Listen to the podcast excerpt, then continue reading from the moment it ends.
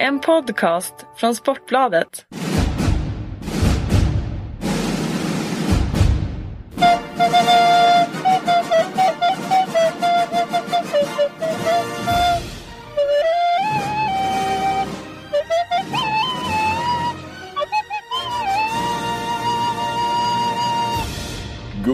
God middag, god kväll, god natt när ni nu än eh, lyssnar på eh, den här podden. Välkomna till eh, Sportbladets handbollspodd med mig Johan Flink och dig.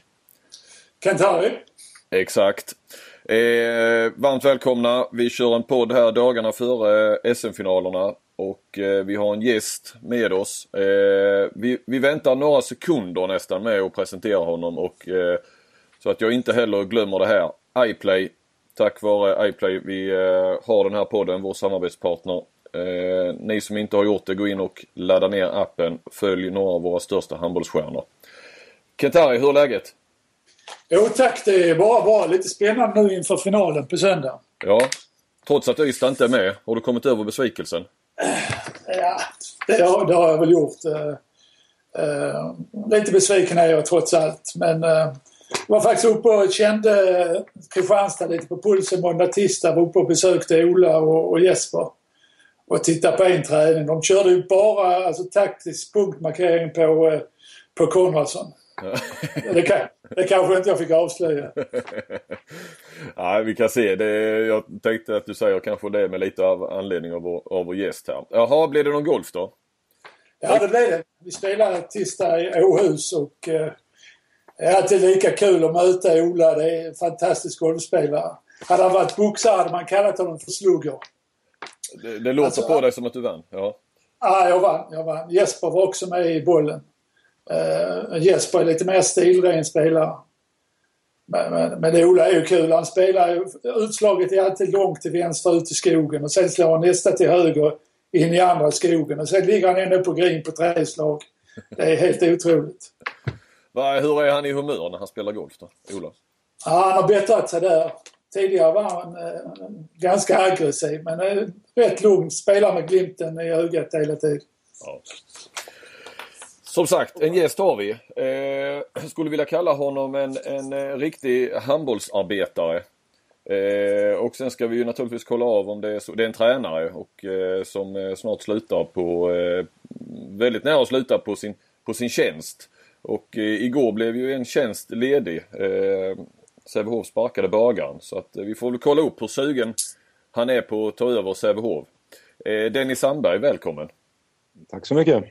Vi återkommer till, eh, till Sävehof och din relation till Sävehof. Eh, är allt väl? Ja, mycket bra faktiskt. Du... Det har varit två riktigt goda, eller en och en halv riktigt god vecka nu efter vi blev klara för finalen här så det, det känns bra. Är det inte för långt mellan semifinal och final då? Ja, på ett sätt är det det, men samtidigt är det jäkligt gött att gå och njuta av det hela och dra ut på det på, på sitt sätt sådär. Men så man känner det, det är ganska skönt sådär. Ja. Mm. Du, eh, brukar du lyssna på podden? Samvetsfråga. Ja. ja, det händer. Inte varje gång kan jag erkänna, men det händer. Ja, men du lyssnade när Franzén var gäst där va? Ja, Franzén och Reine givetvis. Ja, okej. Okay, ja. Mm. Lite... Jag har hört det där några gånger, det han berättar för er, men det var lite roligt. Kryddar han det varje gång eller, eller är det...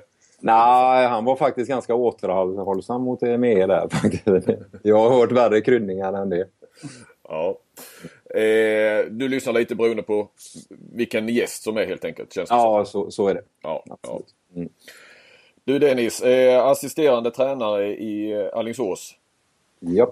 Men eh, jag tänkte faktiskt att vi skulle, eh, som sagt du har jobbat lite grann i bakgrunden känns det som i många år. Eh, och, och, så jag känner att vi vill sätta in dig lite någonstans i historien eller i ett sammanhang. Eh, du är en av få elitspelare som, eh, som har RIK som moderklubb. Eh, hur började det? Du, se, du är född 63 va? Jajamän. Jag började som nioåring där i RIK. Det var en fotbollskompis till mig som drog med mig dit. Eh, jag bodde på Hisingen så det borde ju varit Varta egentligen, men det blev RIK.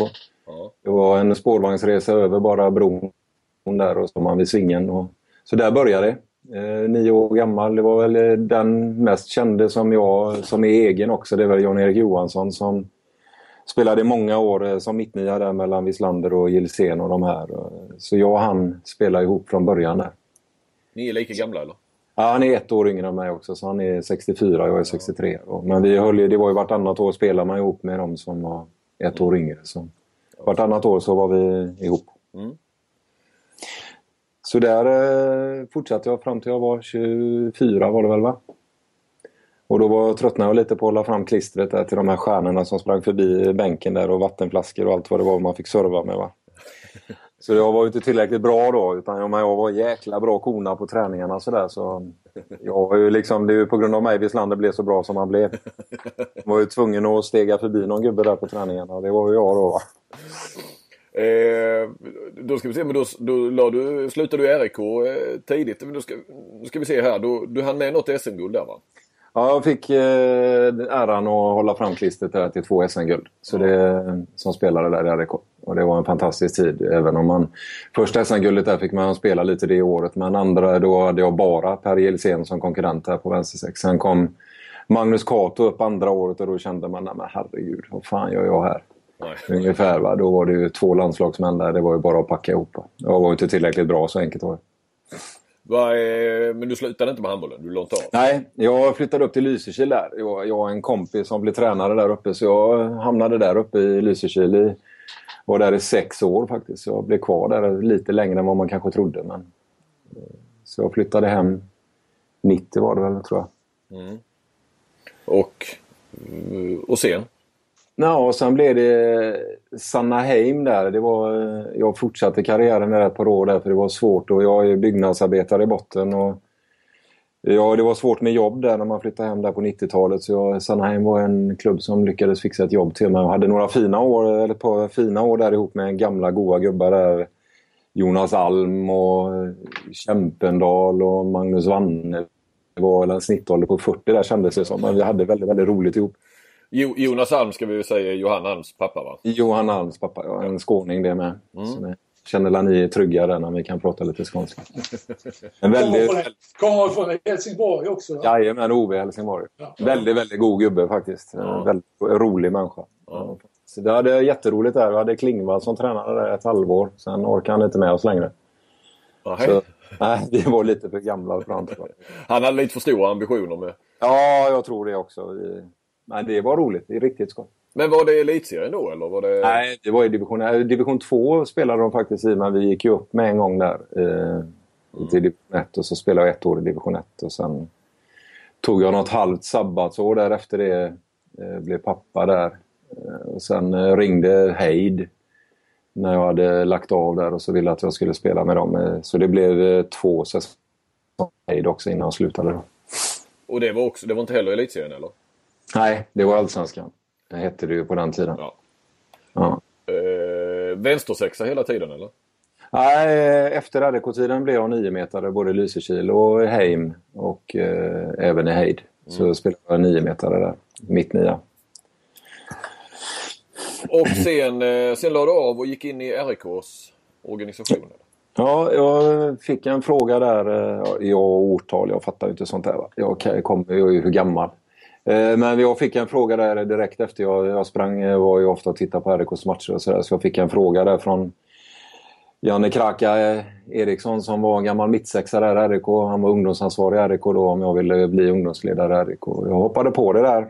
Tog ett B-pojkar i ett år. Och sen eh, fick jag frågan av Tore Brandberg då, som var ansvarig för juniorerna där och vara med honom som assisterande där. Och vi kamperade ihop där i fem sex år. Vad är vi framme nu? Är, det slutet av ja, 90-talet? Ja, fan vet vi. Eh, ja, typ. 90, slutet 90, början 2000 där kanske. Ja, ja. Och sen blev ju Tore A-lagstränare i Alingsås. Han hamnade ju här uppe och blev värvad. Det var ju mycket turbulens i RIK där med ekonomi och sånt. Det var ju första vändan där. Där det var, tog, eh, var lite panik med pengar där. Och då stack Tore till Alingsås, eller fick en förfrågan från Alingsås och jag blev kvar i RIK.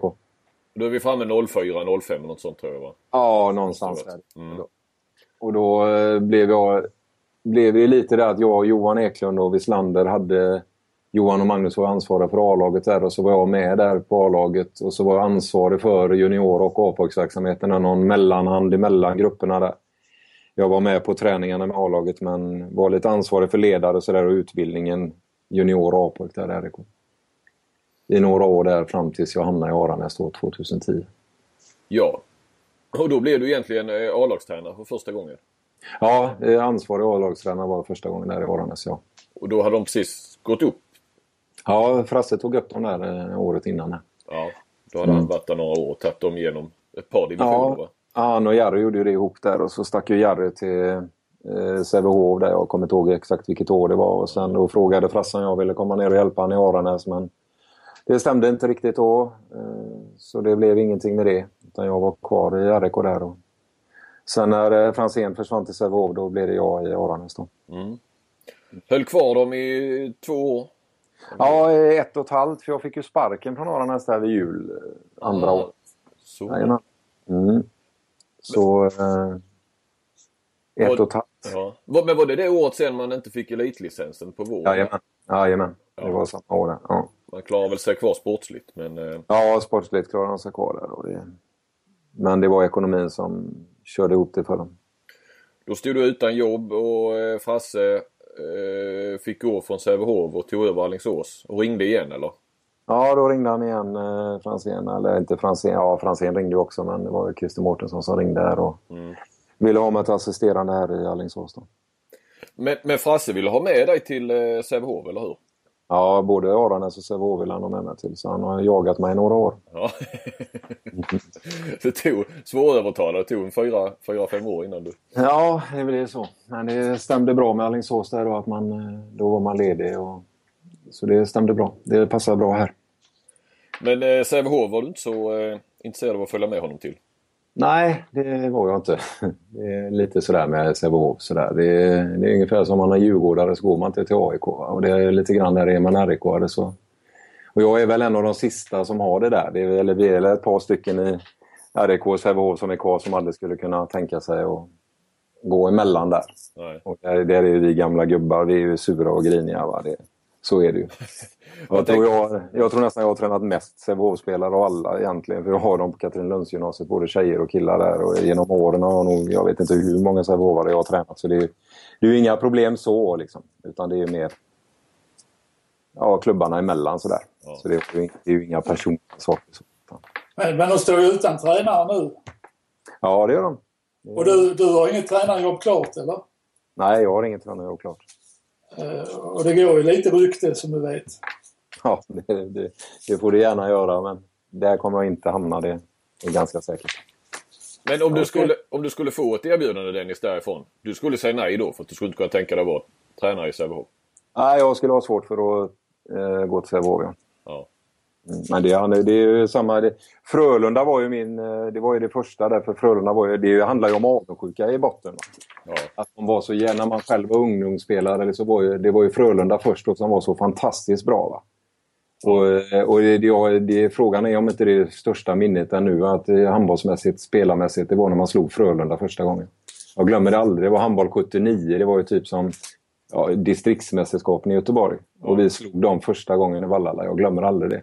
Det var en enorm glädje. Man har fått storstryk av de här i många, många år där innan. Va? Men första gången man fick slått dem. Och sen blev det Sävehof som var fantastiskt duktiga och är fortfarande på ungdomssidan och sådär. Och, och det var någonting att se efter sig om avundsjuka mest där från början att man inte sådär.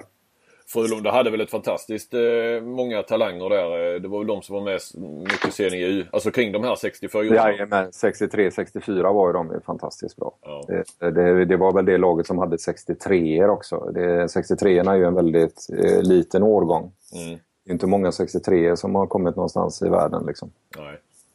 Utan det var ju 64 som var det stora. Men de hade ju 63, 64, 65. De hade, de hade många bra årgångar där Frölunda. Mm. Och sen tog ju Sävehof över det där på mm. ungdomssidan. Så, det, så de har varit för bra helt enkelt, hela det man retar sig på.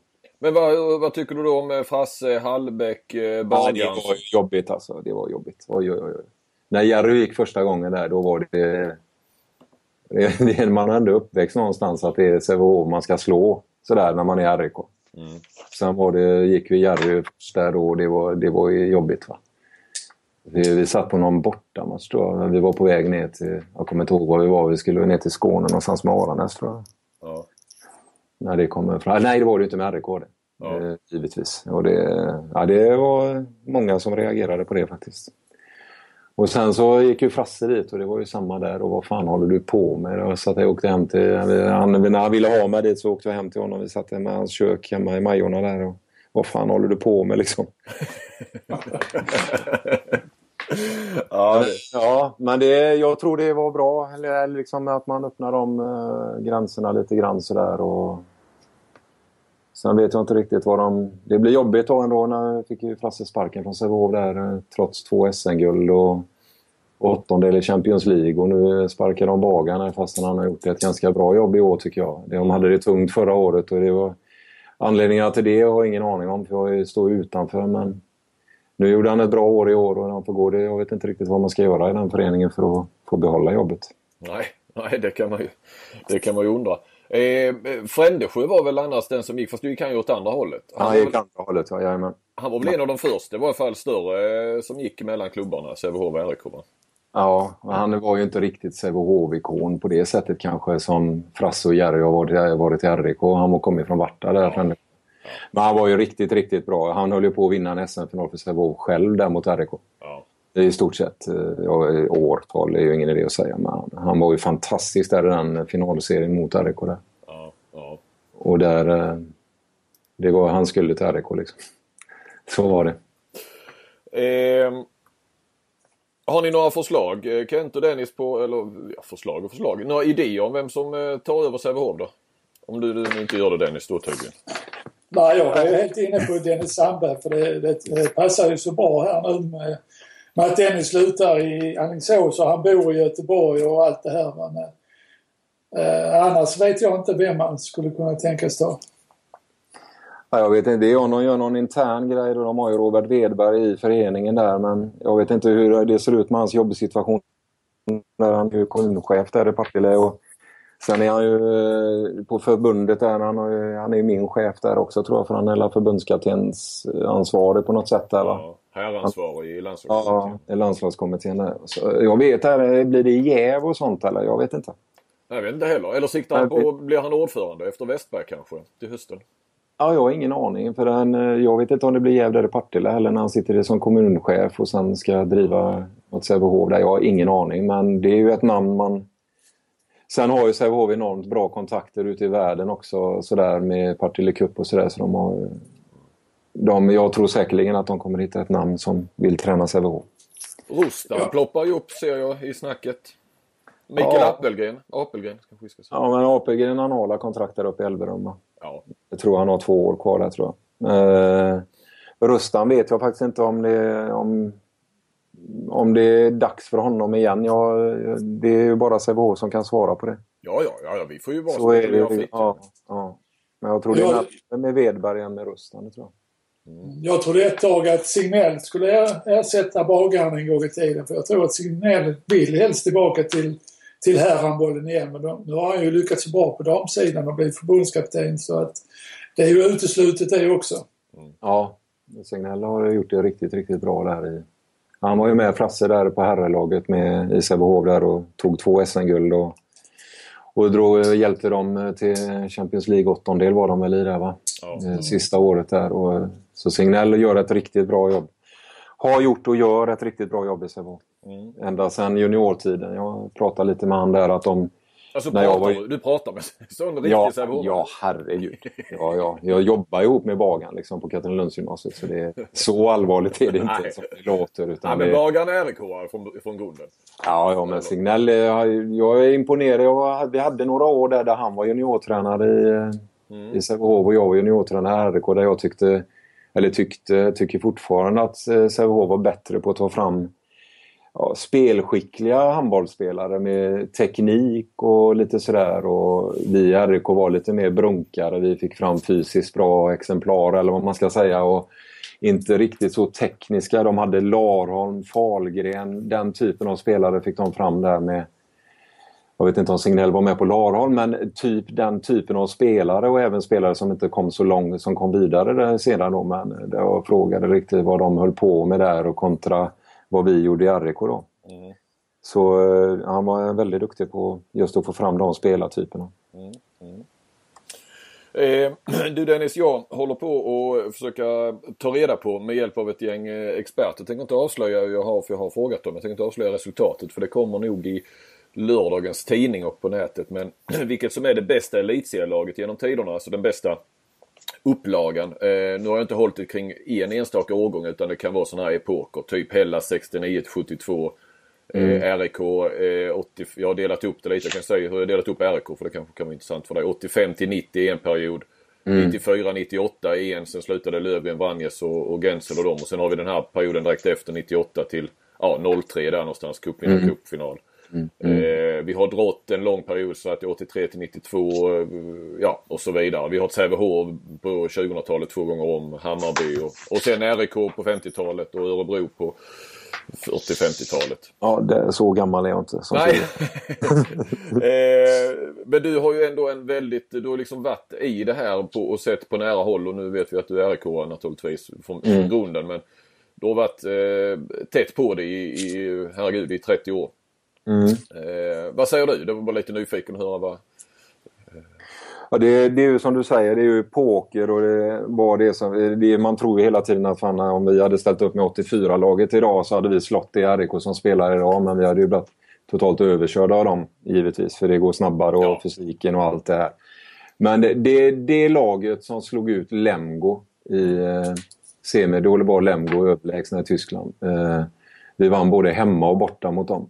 Eh, i cupvinnarcupen var det väl va? Mm, mm, det, det har med semifinalen där vi vann både hemma och borta och de, de började med den här tornadohandbollen. Mm. Lemgo de sprang och kontrade på allt och så kommer Reine ner och så säger han att vi ska springa ännu mer än vad de gör. Ja. Och alla tittar på honom liksom och sen så går vi in och vinner både hemma och borta mot dem och kontra sönder Lemgo. Den, den uppställningen som spelade den matchen, det, det, det är nog fan det vassaste jag sett. Det tror jag. Och om vi då droppar lite namn då, då har vi Frändesjö på vänstersex va? Ja, då Bokvist, Bokvist. Islander. Eh, ja, jag kommer inte ihåg. Jag är ju gammal. Eh, Beutler i mål. Ja, och Gallia var väl också i mål va? Gallia var där också. Ja. Nej, Beutler och Gallia var ju inte samtidigt.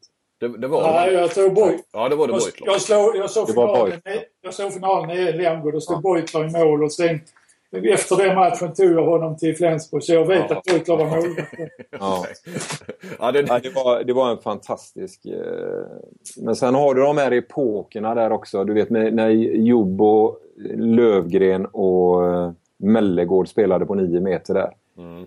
Ja, det gick ju så jävla fort. Va? Så det, man satt och tittade på någon match där i Lisebergshamn. Det gick ju så fort och de var så, de var så överlägsna i elitserien så det, jag tror inte jag har sett den överlägsenheten. Då gick de inte obesegrade eller var det en oavgjord match de hade den säsongen? Ja. Jag vet vilken säsong det var men...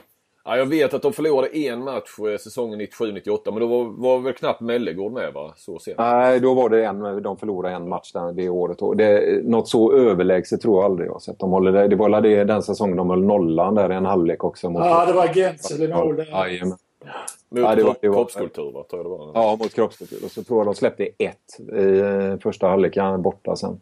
Om det stod 11-1 borta och 9-0 hemma eller något sånt där. Ja. det var, den upplagan den uh, var ju också helt fantastisk. Alltså. Det var då som Schäfert sa i halvlek, hade jag haft en spade, spade så hade jag grävt mig ut. Ja, nej, det var, nej men det, det har funnits några stycken. Sen har, det, det var ju Drott som var våran stora mm. Eh, konkurrent på början eller 80-talet. Där, liksom. Och de har ju haft några årgångar där också men de, man vill ju inte tänka på dem. Va? Nej. liksom så. Och sen hade du det fantastiskt i Sävehof där också med Kim och Larholm. Och det, det var ju också jättebra. Alltså. Ja. Men jag får nog hålla den ändå. Jag funderade på den ett tag. Jag tror ändå jag håller den årgången där.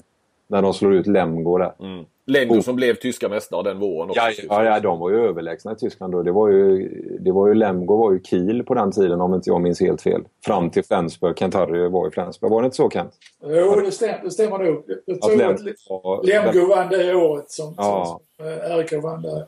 Ja.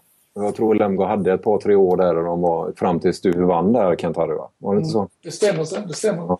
ja. Sen var det slut på tornadohandbollen. Jajamän, där gick det undan. Nej, jag, kommer ihåg att Bengt Johansson tyckte att det var den sämsta handbollsmatchen han sett någon gång. tror jag. Han var nere och tittade på den i Trulleborg. Jag vet inte om det blev 40, 36 eller 36. Och det var några hiskeliga siffror. Och jag tyckte det var en helt fantastisk handbollsmatch. Och Bengan-Johan tyckte det var den tråkigaste han hade sett. men där ser man hur olika man ser på, på handboll. Va? Ja. Ja, häftigt. Mm. Eh, en känsla då som jag var inne på i början eh, Dennis är att eh, du, du har jobbat i bakgrunden. Eh, lite grann som spelare. Det var kanske för att du på grund av konkurrensen där naturligtvis. Ja, jag var ju värdelös. Och, ja, svår, svårare var det inte. ja, men är man med... jo, jo, så är det. Nej, men jag räckte inte till som spelare. Inte i den konkurrensen vi hade i RIK i alla fall. Nej, men det, den där upplagan med RIK är ju inte då ja, heller som var i mitten av 80-talet. Tre raka guld va. Så att, eh, Fem raka var det va? Eller var det fem raka? Eller var det... Ja, var det? Ja, ja. Ja, det var det. Ja, skitsamma. Ja. ja. Många var det i varje fall. Eh, ja. Jag kallar dig handbollsarbetare. Är det, är det en komplimang tycker du? Alltså, eller, ja, min fråga är... Ja, jag börjar med den. Är det en komplimang i, i dina ögon? Eller hade du velat... Ja, på ett sätt så är det väl en komplimang men jag, jag, känner ju inte att man är en arbetare på det sättet. Jag känner ju att jag har fått lov att delta. Eh, du vet, det tog många år innan en sån som Johan Eklund blev erkänd. Mm. Eh, liksom utåt medialt sett. Eh, Johan har betytt oerhört mycket som eh, tränare i RIK. Men Wislander har fått mycket i den rollen. Det är samma i Kristianstad. Nu har du Björn Säterström som jag tror driver allting när Ola är borta. Ja. Gör ett fantastiskt arbete där nere som inte han får men som vi runt omkring vet om. Mm. Liksom sådär. Och jag tror det är många i handboll-Sverige som vet vad jag har gjort eller inte gör och det räcker för mig. Det behöver inte stå i några tidningar eller sådär vad man gör och sådär utan jag är väldigt nöjd med, den, med det jag har gjort och, det, och den uppmärksamheten jag får bland spelare och sådär. Det, det räcker för mig. Du har inte varit sugen på att ta något eh, förutom då Aranäs. Men det var ju inte heller i, i, i det mediala ljuset direkt. Aranäs får ju sällan, om vi nu tänker rent riksmedialt sådär va. Men, eh, mm. Eh, inte sugen på att ha en, ja, få ta ännu större ansvar eller Ja, men ansvar och, eh, och bestämma och sådär, det har jag fått göra här i Alingsås ihop med Mikael. Liksom. Jag, det ansvaret som jag vill ha, det har jag fått. Liksom. Och det har inte varit några konstigheter. Och sen ska du få en fråga från något större också. Liksom. Det är ju inte bara att säga att man vill det. Det ska ju komma en fråga också från någon större förening än vad Alingsås är i så fall. Mm. Och, eh, så liksom, det handlar inte bara om att man vill utan man ska ju få frågan också. Och den frågan har inte kommit nu då i vår? Det är inte där som nej, slutar? nej, det är inte därför jag slutar. Utan det, frågan, det har kommit frågor från föreningar men inte, inte liksom sådär så att man jippi eller liksom sådär utan eh, frågor har det kommit men inte så att jag har hoppat på än i alla fall. Varför slutar du i Hälleforsås? Ja, vi, kom, eller, vi har hållit på här nu, eller det är ju fjärde året vi är här nu och, vi, eh, och när vi var där i januari, februari någon gång när jag skulle ta ett beslut då stod vi här liksom med samma trupp igen och liksom samma ledare och samma allting och sådär. Och då kände jag, vad fan ska jag bidra med? Ska jag säga till Konradsson att skjuta ännu hårdare i krysset i augusti liksom? Och eh, att man kände att det kanske behövdes en förändring i Alingsås för att ta Alingsås vidare och då då var det lite grann, fan då kanske det behövs en ny ledare då. Jag kände lite grann sådär och kanske det behövs någon ny röst i omklädningsrummet som säger andra saker och sådär. Så det var det beslutet jag tog då, att jag kände som att fan Alingsås behöver komma vidare och blir inga nya spelare utan vi ligger där med samma trupp och sådär. Då kände jag att nej men då kanske det är jag som ska ta en och steppa tillbaka. Borde inte Frasse hoppa av då? Av samma anledning?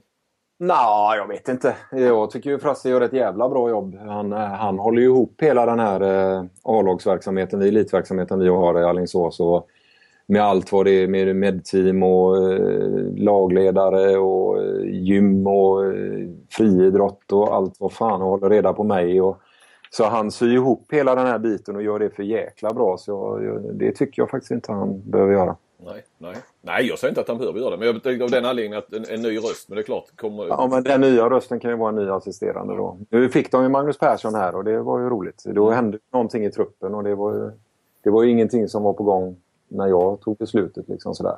Så nu ångrar du dig sen Persson blev klar? Eller? Nej, absolut inte. Det, nej, det är absolut inte. Det är ett beslut jag har tagit och det står jag för. Och det, det är jätteroligt för Alingsås att de lyckas landa den här att de lyckas landa den här värvningen. Och det tror jag behövdes också lite grann för att få en ny push in i nästa säsong. Det tror jag. Du, jag, jag, har ju pratat med Frasse, det har du kanske förstått, eh, lite inför den här poddinspelningen. Mm. Eh, han menar och hävdar att du hade kunnat tjäna betydligt mer pengar om du eh, inte hade gått så mycket efter hjärta i, när du väljer dina tränarjobb.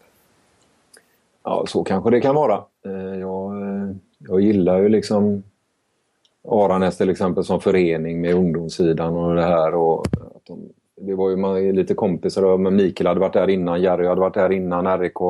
Vi hade värvat mycket spelare från Aranäs till RIK under den perioden. Vi var ledare där och, och det var en förening jag tyckte mycket om. Och sådär.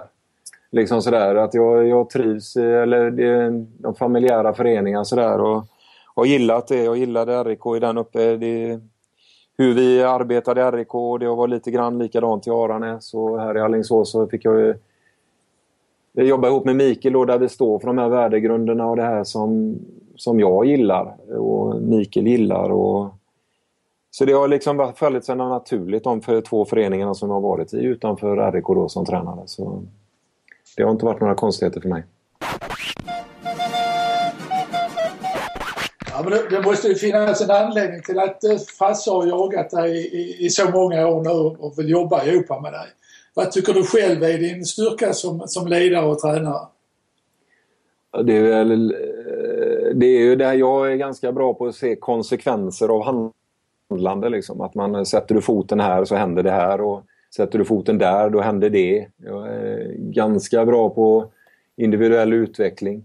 Eh, få spelare att bli bättre. Eh, vi är ganska lika Mikael och jag där genom att bygga lag, bygga grupp, få folk att tro på det vi håller på med. Eh, så handbollsbiten känner jag mig ganska trygg i sådär. Utan det, där känner jag nog att jag är ganska duktig. När det mm. gäller själva spelet handboll. Hur ser fördelningen ut mellan dig och Frasse under matcherna? Jag har fått det intrycket att du har mest ansvaret för anfallsspelet och Frasse tar då lite mer försvarsspelet. Stämmer det? Ja, det, det, kan man säga. I alla fall rent teoretiskt så ska det vara så. Men jag sitter ju närmast Konradsson och Tern där och vi, det är ju de två jag pratar med hela matcherna. Mikael går ju fram och tillbaka där och pratar med de flesta. Och det har ju varit så lite grann att jag har varit lite anfallsansvarig eh, i Alingsås här och Mikael, det stämmer som du säger det. Mm. Och sen samåker du Frasse till, till träningen varje dag? Nej, inte varje dag. Jag eh, har ju en heltidsanställning här uppe i Alingsås där jag har varit ungdomsansvarig eller utbildningsansvarig här för ungdomar. Sportsligt ansvarig. Ja, eh, okay. och, så jag, har jobbat heltid här uppe tisdag, torsdagar och då åker jag för tidigt för mig. Mikael han är ju morgontrött den pojken. Va? Så måndag, onsdag, fredag brukar vi åka ihop och tisdag, torsdag åker vi själva. Och då blir det naturligtvis en hel del eh, handbollssnack där. Det är ett bra sätt att lösa problem och sådär naturligtvis. Ja, det är bra att kunna prata om eh, spelare och ledare och problem och sånt här i en bil för det är ingen annan som hör då. Sitter man här på kontoret här i Alingsås så är det alltid någon som hör och det kanske inte är så käckt alla gånger. Ja, så kan jag tänka mig att Frasse är ju ganska... Jag jobbar ihop med honom ett par år där i Sävehof. Han är ju fantastiskt bra att jobba med. Han är ju prestigelös eh, som ingen annan egentligen. Ja, så är det ju. Det är ju Mikaels stora styrka som eh, ledare är att han man vet eh, vad andra människor kan och ta den hjälpen av andra människor och då kan det handla om vad som helst. Det kan ja. handla om eller idrott eller handboll eller vad det än må vara och där är han ju fantastisk Mikael. Mm. Eh, Mikael beskriver ju dig också som otroligt prestigelös. Eh, det är kanske därför också ni funkar så bra ihop. Eh, för han menar att ni är otroligt olika som personer där han är liksom lugnare medan du kanske är mer pang på och, och sådär. Ja, det stämmer. Vi har, det som är bra med mig och Mikael, det är olika kanske, men värdegrunderna och det vi, det vi tror på, det tummar vi inte på. Liksom. Värdegrunden när det gäller människor och hur man, hur man hanterar människor och att man är ärlig och alla de här sakerna. Att man inte springer omkring och är oärlig mot spelare utan man, är, man talar om vad man tycker och tänker till varje spelare och sådär. Där är vi lika. Eh, med flyktingpolitik eller vad det må vara då när det gäller själva människan. Mm. Där är vi väldigt lika och har samma värdegrunder. Sen eh, när det gäller det andra, det här med att jag blir lättare irriterad eller arg och säger rakt ut vad jag tycker och tänker medan Mikael gärna vill tänka efter först innan han säger något. Så han kommer bli en väldigt, väldigt bra politiker sen, Mikael, när han lägger av och spelar handboll. Han kommer sitta i kommunalrådet i Göteborg som någon chef. Okej. Och sen delar ni ett stort intresse för kyrkor har jag förstått. Ja, det är ju Mikael va.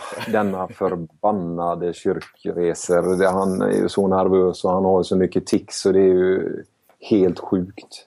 Det är inför matcher va?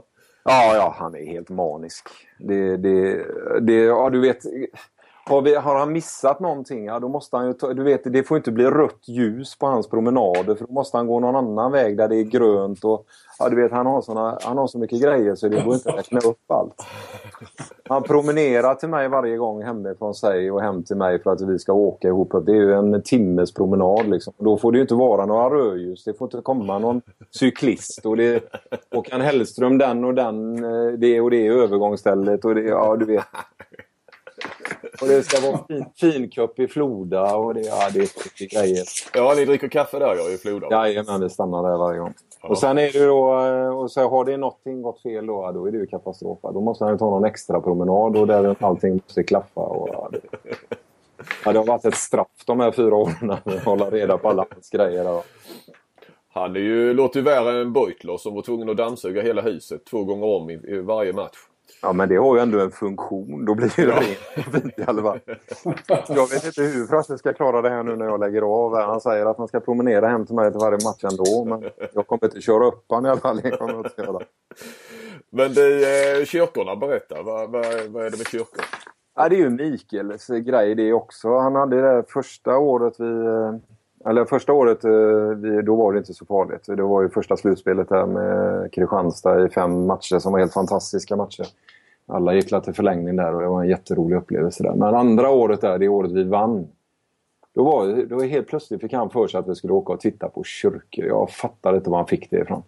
Så vi, eh, det var ju första året Per Johansson var med där och då eh, åkte vi upp till Kungälv och hade möten med honom. Och sen tog vi vägar från Kungälv och till Alingsås för träning. Och det var olika jävla kyrkor han skulle åka och titta på varenda gång. Han åkte in på alla möjliga och omöjliga vägar. Och sen har det hängt med. Liksom. Var vi än är så nog fan ska vi till en kyrka och titta. Va? Om är så i Schweiz eller Danmark. Eller, ja, det är... Och nu är det så. Nu ska det tittas på kyrkor. Va? Men är det, är det byggnaden ute efter eller är det någon religiös upplevelse? Jag tror, nej, jag tror bara det är så att det hände en gång och så vandlar vi den matchen antagligen. Och då är det så sen. Ja. Ja. Vad gör det... du då? Sitter du och surar i bilen eller vad? Jag får ju hänga med. jag får ju hänga med där och gå ut och titta och säga vad vackert det är och vad fint det är va? så att han blir glad. Va? Det är ju sånt man får göra som kollega. Va? med det. Eh, det, eh, sen så... Eh, för du är, du är lite, mer, lite mer stressad än Frasse, påstår Frasse i varje fall. Ja, men det säger jag stressad. Han är ju... Han måste ju prata med alla. Va? Så vi, vi, har stått här och haft träning en och en halv timme och vi har varit här någon timme innan träning och pratat med allt och alla. Han har sagt. Men sen måste det ändå då när det är dags att åka i bilen, när vi ska iväg och äta efter träningen. Då måste han ju ändå säga någonting till allt och alla. Va? Ja. Och det har jag aldrig fattat riktigt. Varför måste du? Utan nu åker vi liksom. Då, då blir jag lite trött på honom. Va? För då har han ju ändå pratat och tjötat i tre, fyra timmar. Räcker inte det då kan man tycka? Kan allt detta vara anledningen till att du slutar i Alingsås? Ja, där har du den. Kyrkorna, tjatet. Eh. Kyrkorna. Nej, nej absolut inte. Men det, jag fick eh, ett tips om jag skulle kolla med det hur du upplevde när ni satt eh, två timmar och väntade på en besiktning sen Frasse hade tagit fel på tiden. Ja, han är ju så jävla dum i huvudet. ja, vi åker dit träffas, vi ska käka lunch ihop. Det var förra veckan va? Och så eh, käkade lunch ihop och så och var gott och vi hittade en god lunchställe. Och sen, ja, nu åker vi ut dit. Så, så han börjar ju då med att vi kommer nog in tidigare när vi har bokad tid. Så vi åker dit 40 minuter innan han har bokad tid. Vi kommer nog in innan. Det är ju, det är ju så korkat bara. Ja, det, det, gör man ju aldrig. Nej, nej. Och så går han in och anmäler sig där. Och så säger han, ja nu har jag anmält mig. Och så sitter vi där. Va? Och tiden går ju bara. Den bara går och vi sitter där och han maler ju på den. Han tjötar ju och höl i huvudet på en. Man blir bara argare och argare. Så när klockan väl är 20 över ett tror jag. Vi var där 20 i ett och 20 över ett hade han tiden. Och klockan blir ju halv två, 20 i två och sådär. Ja, då tappar jag ju det. Så jag går in och kollar om han anmält sig. Ja, då, då, börjar, då har han inte ens anmält att han är där. Han har glömt att trycka på jag är här liksom. Ja, då anmäler och så kommer ju tiden upp. Och då är det 14.20 han ska vara där. Va? Då är vi... Nej, fy fan. Då höll jag på... Ja. På en parkering i Aruds by, industriområde på Hisingen. Va? Det var Hisingen i och för sig, så det är ju bra. Men det var det. Det var bra. Du, eh, eh, Dennis, eh, det är ofta då när man pratar med de som har en, en eh, bakgrund i RIK som varit med i podden eh, så går det ju inte att, att låta bli att komma in på Reine Pedersen och, och vad han har betytt. Du hade väl träffat på honom väldigt tidigt och eh, ja, och sen rent civilt också haft mycket med honom att göra. Och det är därför jag är så traumatisk som jag är. att man har haft han att göra i 30, vad fan är jag, 53 och jag, han 15-16 år var jag väl när han blev juniortränare i RIK. Ja. Var, jag tror jag hade träffat honom innan det också. Men det är ju Reine och Ola där. Eh, man glömmer ju oftast Ola Li. Ja, ja, han ska också nämnas. Ola, Ola Li är ju en fantastisk människa. Mm. Eh, men Reine har betytt mycket. Han, eh, om man tar den där så var det väl så att Reine blev nästan min pappa där ett tag. Han uppfostrade mig där. Både privat och handbollsmässigt. Och han har betytt oerhört mycket för mig. Både som människa och tränare och hur man själv har blivit som ledare. Mm. Det är samma Ola Li där. Jag, min mamma gick ju bort när jag var 17-18 år där och Ola hjälpte mig oerhört mycket med det. Och, så Ola och Reine har betytt oerhört mycket för mig. Mm. Och hur jag är som människa och ledare. Och, ja, hur man är som människa helt enkelt. Och så jobbar du hos Reine va? Jajamän, jag hade 16 år där på Interkakel. Jobbade hos honom där. Så fick jag stelhoppare ryggen så jag kunde tyvärr inte fortsätta jobba med det. Nej, du var kakelsättare? Jag var kakelsättare. Mm.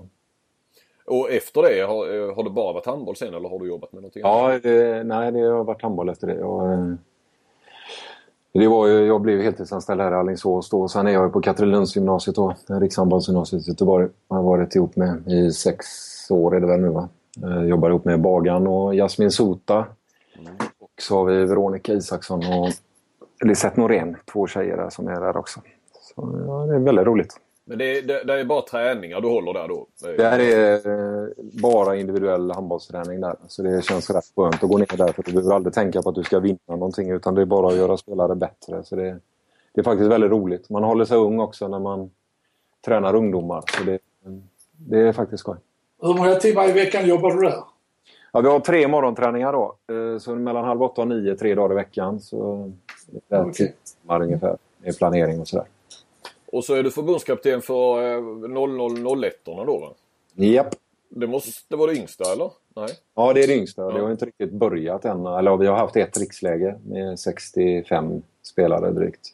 Mm. Så jag har haft ett riksläge, så andra riksläget är 40-45 stycken är det väl som kommer nu i slutet juli, början augusti. Ska du sätta press på, på någon av talangerna redan nu och, och, och peka ut, om jag frågar vilka vilka är det som sticker ut? Har du någon ja, där får du faktiskt inget. Jag funderade lite grann på det där också. Det, det är faktiskt en jäkla bra kull.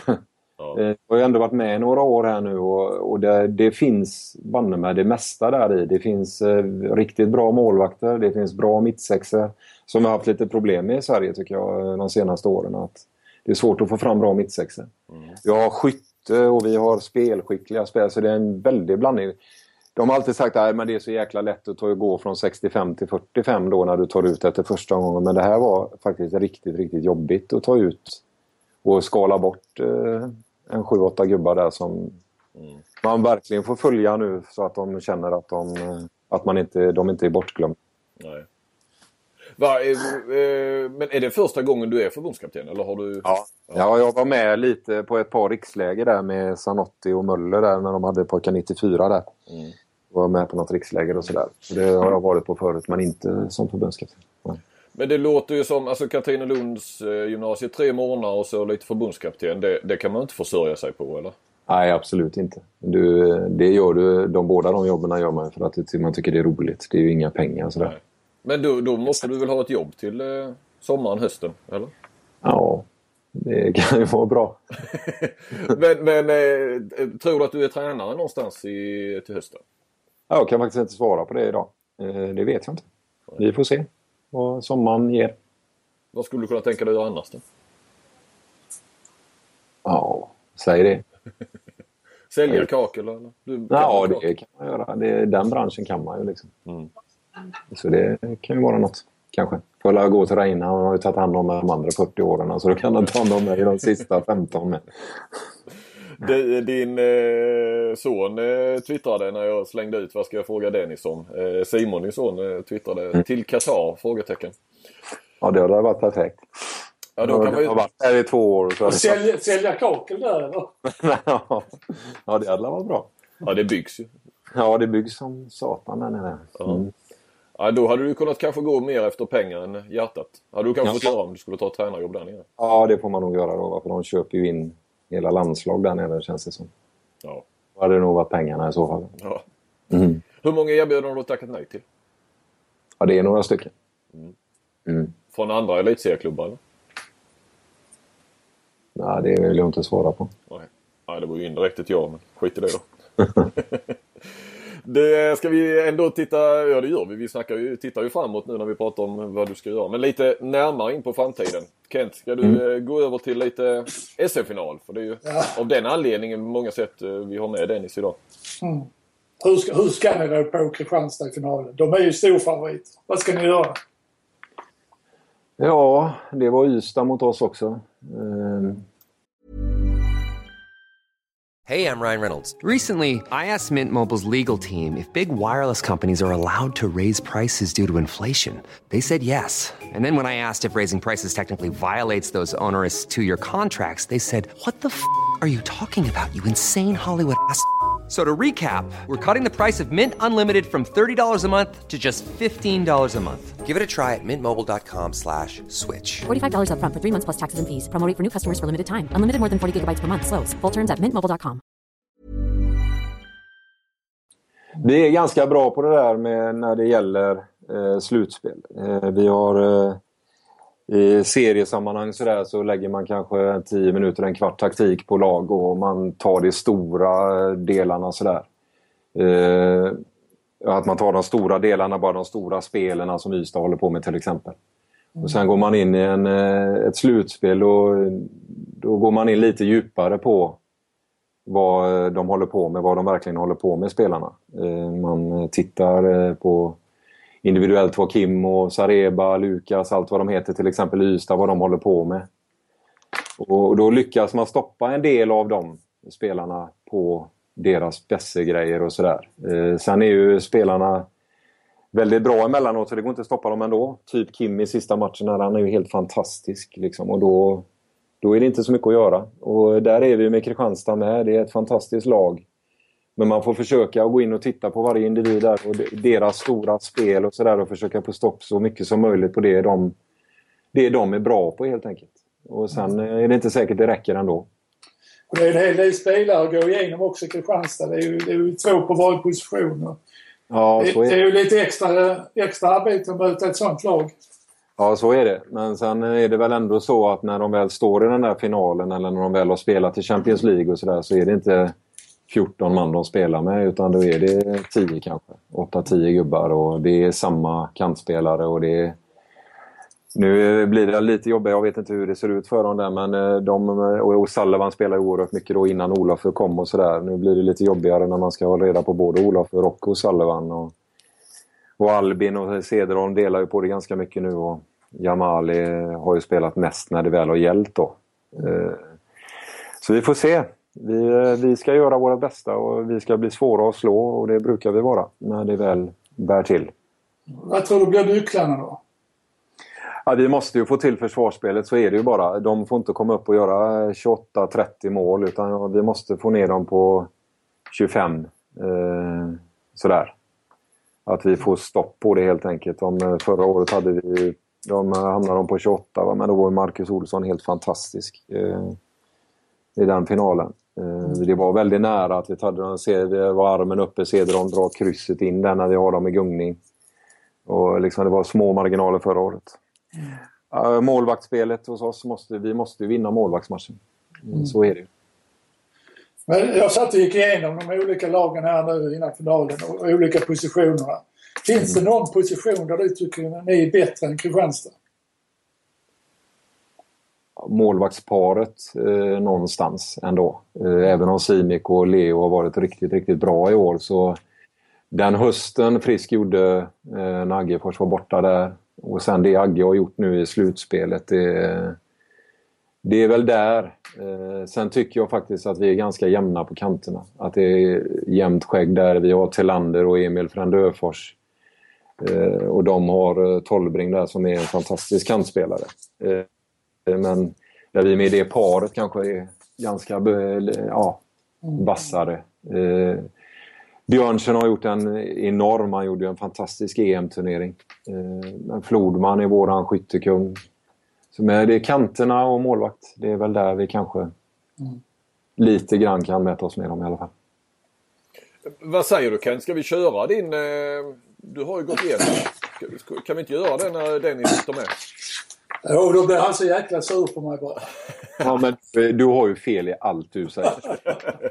Ystad skulle vinna med 3-0, eller hur var det? Ja. Den hade jag fel på. Men I övrigt har nog det mesta rätt. ja, du har satt där på Kristianstad. Ja, det var jävla svårt.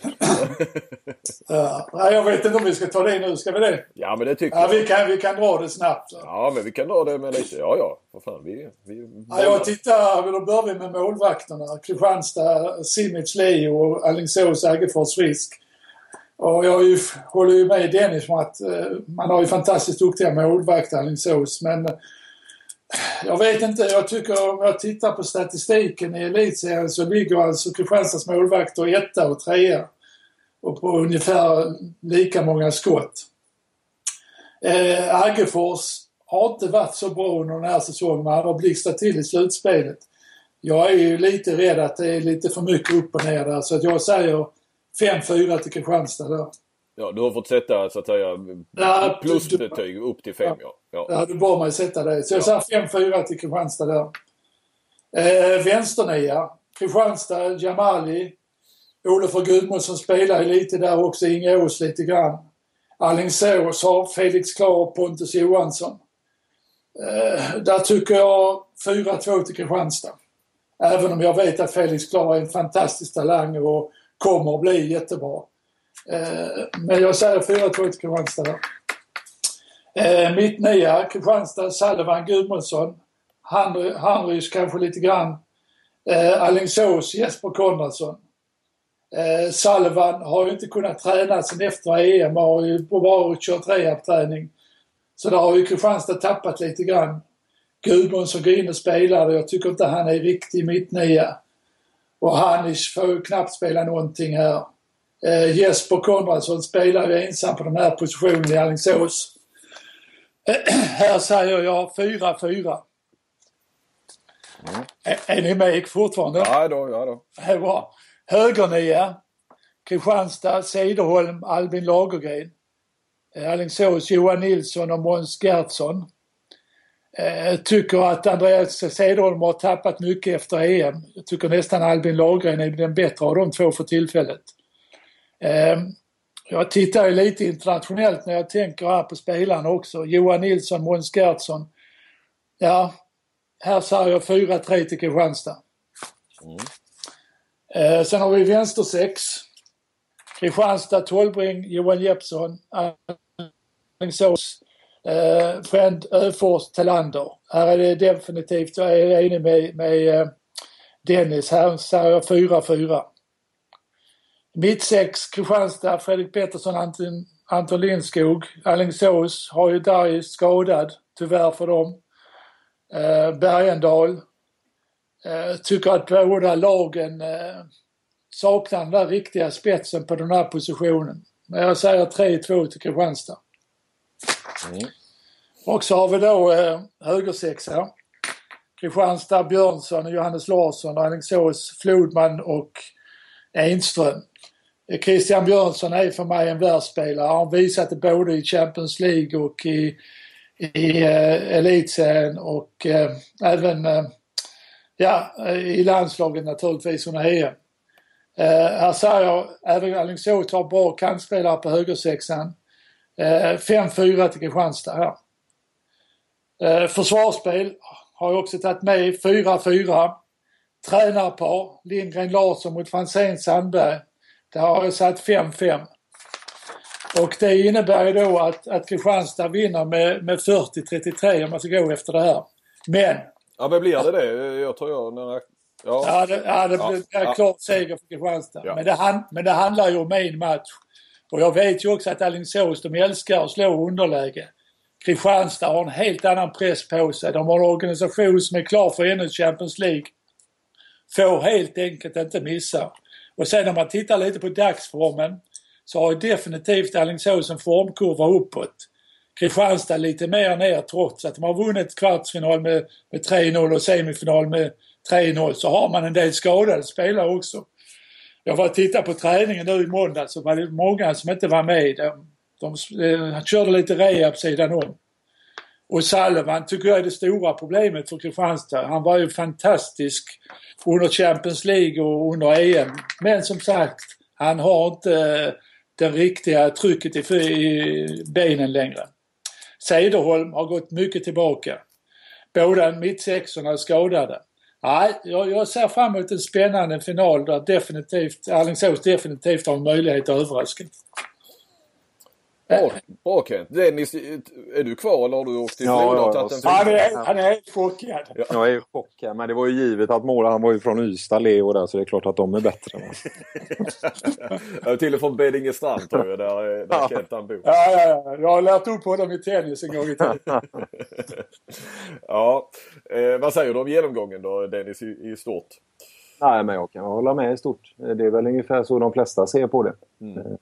Vi har ju lite andra ingångsvärden där, där vi, vi bland våra spelare så där kontra Kristianstads. Om man ser det rakt utifrån och sådär. Men vi, det, det, finns saker i det här laget i Alingsås som få andra lag kan matcha. När det gäller inställning och kämpa, som är ett, ett ord som många säger. Man har lite svårt att förstå vad det egentligen är. Mm. Men där, där är Alingsås bäst helt enkelt på det ordet och mm. göra men du fick en femma som tränare och det står jag definitivt Nej, du sa Frasse först där. Så det... men, eh, nej, men jag håller med dig Dennis. För, för det här, vi snackar ju rent eh, individuellt ja, ja. eller i varje fall position för position. Absolut. Eh. Det, är, det är precis som man säger. Jag, jag håller med den här O'Sullivan. Han var helt fantastisk, helt magisk innan jul. Var, jag tyckte han var överlägset bäst i elitserien. Mm. Och eh, både EM och Champions League. Han var fantastiskt duktig. Och jag har haft det lite jobbigt här nu efter EM då. Det är lite synd. Men det, det, är väl precis det du säger. Kämpa, alltså det är ju den. Där, där, där kommer ju ni med den kanske. Som ja. du, jag håller med dig. Ni är bäst det är, det, på det. Det, det är liksom svårt att träna mot det där. Det är ja. ungefär som man säger att man ska möta Hammarby som är det enda laget som spelat riktigt, riktigt bra 3-2-1. Mm. Och så står man och tränar mot Hammarby och mot 3-2-1. Men den den kämpagrejen och det, de sakerna Hammarby har, det är svårt att träna mot. Det är ungefär som att ja, man ser att Darj eller Bergendal eller hit och dit, han gör så och det är massor med luckor och det är massor med hål. Ja, men du ska hitta den där farten för att ta dig förbi och du, det kommer någon jobbig jävel och river och sliter och drar. och det, det, där, det är svårt att träna mot för man kommer aldrig upp i den där intensiteten som krävs på träning. Nej, nej. Eh vad tror du om hur ska Alingsås, eh, oavsett hur det går på söndag, hur ska Alingsås kunna rå på Kristianstad på sikt? Med pengarna, publiken och, och det som finns i, i Kristianstad. Eller något, någon klubb överhuvudtaget. Nu är det ju Alingsås som är, eller ni som är, som är närmast. Mm. Jag tror det farliga är ju om man, om man tror att man kan följa med Kristianstad ekonomiskt. Det är ju många föreningar som har lite dålig ekonomi nu och sådär och får problem med det för att man tror att man måste eh, klara det ekonomiskt för att hänga med Kristianstad. Eh, det är ju fortfarande så att de värvar ju inte Karabatic Kristianstad. Nej. Utan de är, de är ju liksom lite under den. De skulle säkerligen kunna värva ännu bättre än vad de gör. De värvar ju fantastiskt bra nu men att det finns ju fortfarande chans att slå dem. Eh, liksom sådär. Och framförallt när det är över en match. Mm. Eh, det som Alingsås behöver göra då, det är att fortsätta det de har gjort. Vi har Eh, plockat eh, liksom Frände Öfors, Flodman, Bergendal, Frisk. Eh, att man plockar de här som inte folk känner till och gör dem bättre. Att vi, vi har faktiskt lyckats med att utveckla de spelarna vi har värvat hit. De, de har blivit bättre och de knackar på dörren till landslag och allt vad det är. Och jag har fått med Konradsson i landslaget nu och sådär. Och, och vi är bra på att göra dem bättre här i Alingsås. Och, eh, att man hittar sin grej som förening helt enkelt för att utmana dem. Ja, och det har väl Alingsås gjort. Ja, det tycker jag och det gäller ju att fortsätta där då. Och sen eh, förbättras ju och föreningen måste givetvis förbättra sin ekonomi också. Vi har ju fortfarande platser vi kan fylla i våran arena. Vi har, vi har, även om vi bara tar här, drygt hälften eh, så mycket som Kristianstad gör så måste ju den ändå fyllas då för att få den där... Om vi fyller våran hall från, vi har 1700 tror jag i snitt, om vi fyller den till 2002 och 2, ja det betyder en Magnus Persson till. Eh, liksom sådär. I lön, det är ju så eh, Alingsås måste jobba ta nästa kliv. Det är att fylla hallen helt enkelt så att man får en lite bättre ekonomi.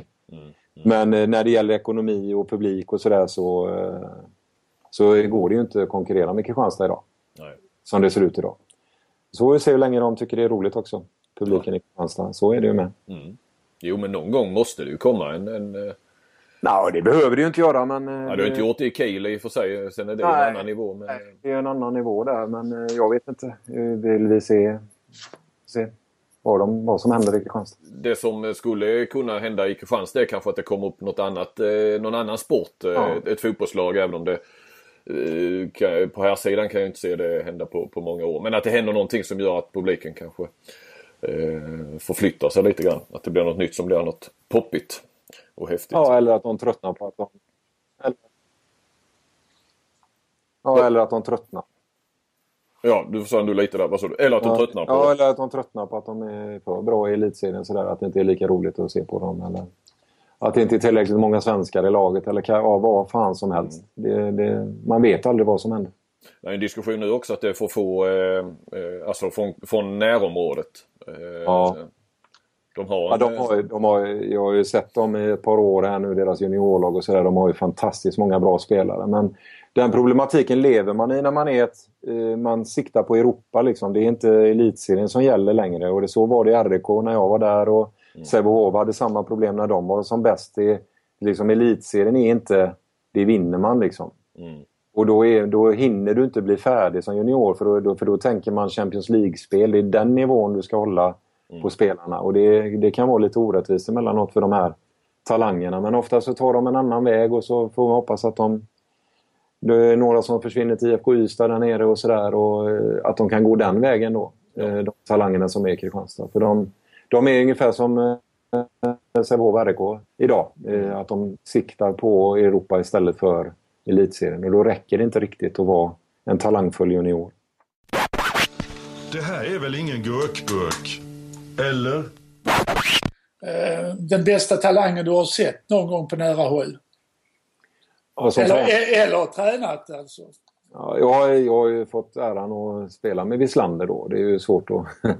vi, vi börjar junioråldern ihop jag och Magnus och det är klart som fan att han är störst. Och Palicka har jag fått äran. Jag, har- jag har faktiskt en kille som, man, som var född 83 som heter Kemal. Eh, En vänsterhänt tvåmetare med en fantastisk arm. Eh, han, han var helt magisk. Eh, det är faktiskt en av de största talangerna som jag har tränat men tyvärr inte eh, satsade på handboll då. Eh, och det var lite tråkigt för det, han var fantastiskt duktig. Var en Sat, mag- sat, satsar han på någon annan idrott då? Nej, han eh, hamnade lite snett där som ungdom. Eh, sådär. Men eh, har det bra idag. Så jag träffade honom här för något år sedan. Och så det, så det, men det var en enorm talang. Om man nu bortser från alla de här andra så kallade stjärnorna man då har antingen tränat eller spelat då, så vill jag nog nämna Kema. Den bästa tränaren du har jobbat med eller har haft som tränare? Ja, den bästa tränaren i alla kategorier, eller som tränar handboll nu då, med, det är ledare och tränare, jag vill särskilja på det där. Tränare är Johan Eklund, absolut. Johan Eklund är en fantastisk tränare. Och ledare? Ja, ledare där har vi ju Ola Li och Reine och sen är det Franzén faktiskt. Eh, som ledare då, binda ihop helhet och låta alla delta och, och sådär. Och där var Ola Li och Reine också fantastiskt bra som ledare. Då. Varför var Eklund, eh, eller är, så bra som tränare just? Ja, det vet jag fan. Det är en sur, sur jävel. Nej, men han är jävligt bra. Så jag tycker han, eh, han är tydlig och han är, han är, vi är ganska lika jag och honom där som ledare just på plan sådär. Och lagom arg och han har ju också mognat med åren precis som jag har gjort. Man var ju väldigt arg i början av sin tränarkarriär men har lugnat ner sig lite grann sådär. Och kan se lite mer sakligt på saker och ting. Och jag tycker det Johan har gjort i RIK under alla de åren han har varit tränare där, det är helt fantastiskt för mig. Med de resurserna och det de har haft de sista 10-15 åren här ekonomiskt och sådär också. Jag tycker han gör det, jag har gjort ett strålande arbete i RIK. Du Dennis, eh, du har framgångsrika söner. Ja. Som verkar vara mer talangfulla än vad du själv var som spelare. Eller? Ja, jag vet inte fan. Eh, jag, har Nej, jag minns ju inte dig som spelare. Du... Jag har ju fler SM-guld än vad de har i alla fall. Eh... Sen Island är gudfar till dem. Han kanske är något mer där. Jag vet inte. kanske är så att han har fått talanger från honom. Jag vet inte. Berätta. Du har en, i, en på fotboll och en i handboll. Ja, jag har en som spelar i Häcken i fotboll här. Och så har jag en eh, 18-åring här som är med, som värvades hit till Alingsås i, till detta året då, som är med i Alingsås A-trupp här. De har några namn också va? Ja, Simon Sandberg heter han som spelar fotboll. Han är född 94 och så har jag Tobias Sandberg här som är född 98. Och Simon avgjorde cupfinalen va? Ja, det gjorde han. Det var roligt för honom. Ja. hur, mycket, hur mycket följer du och är med och tittar?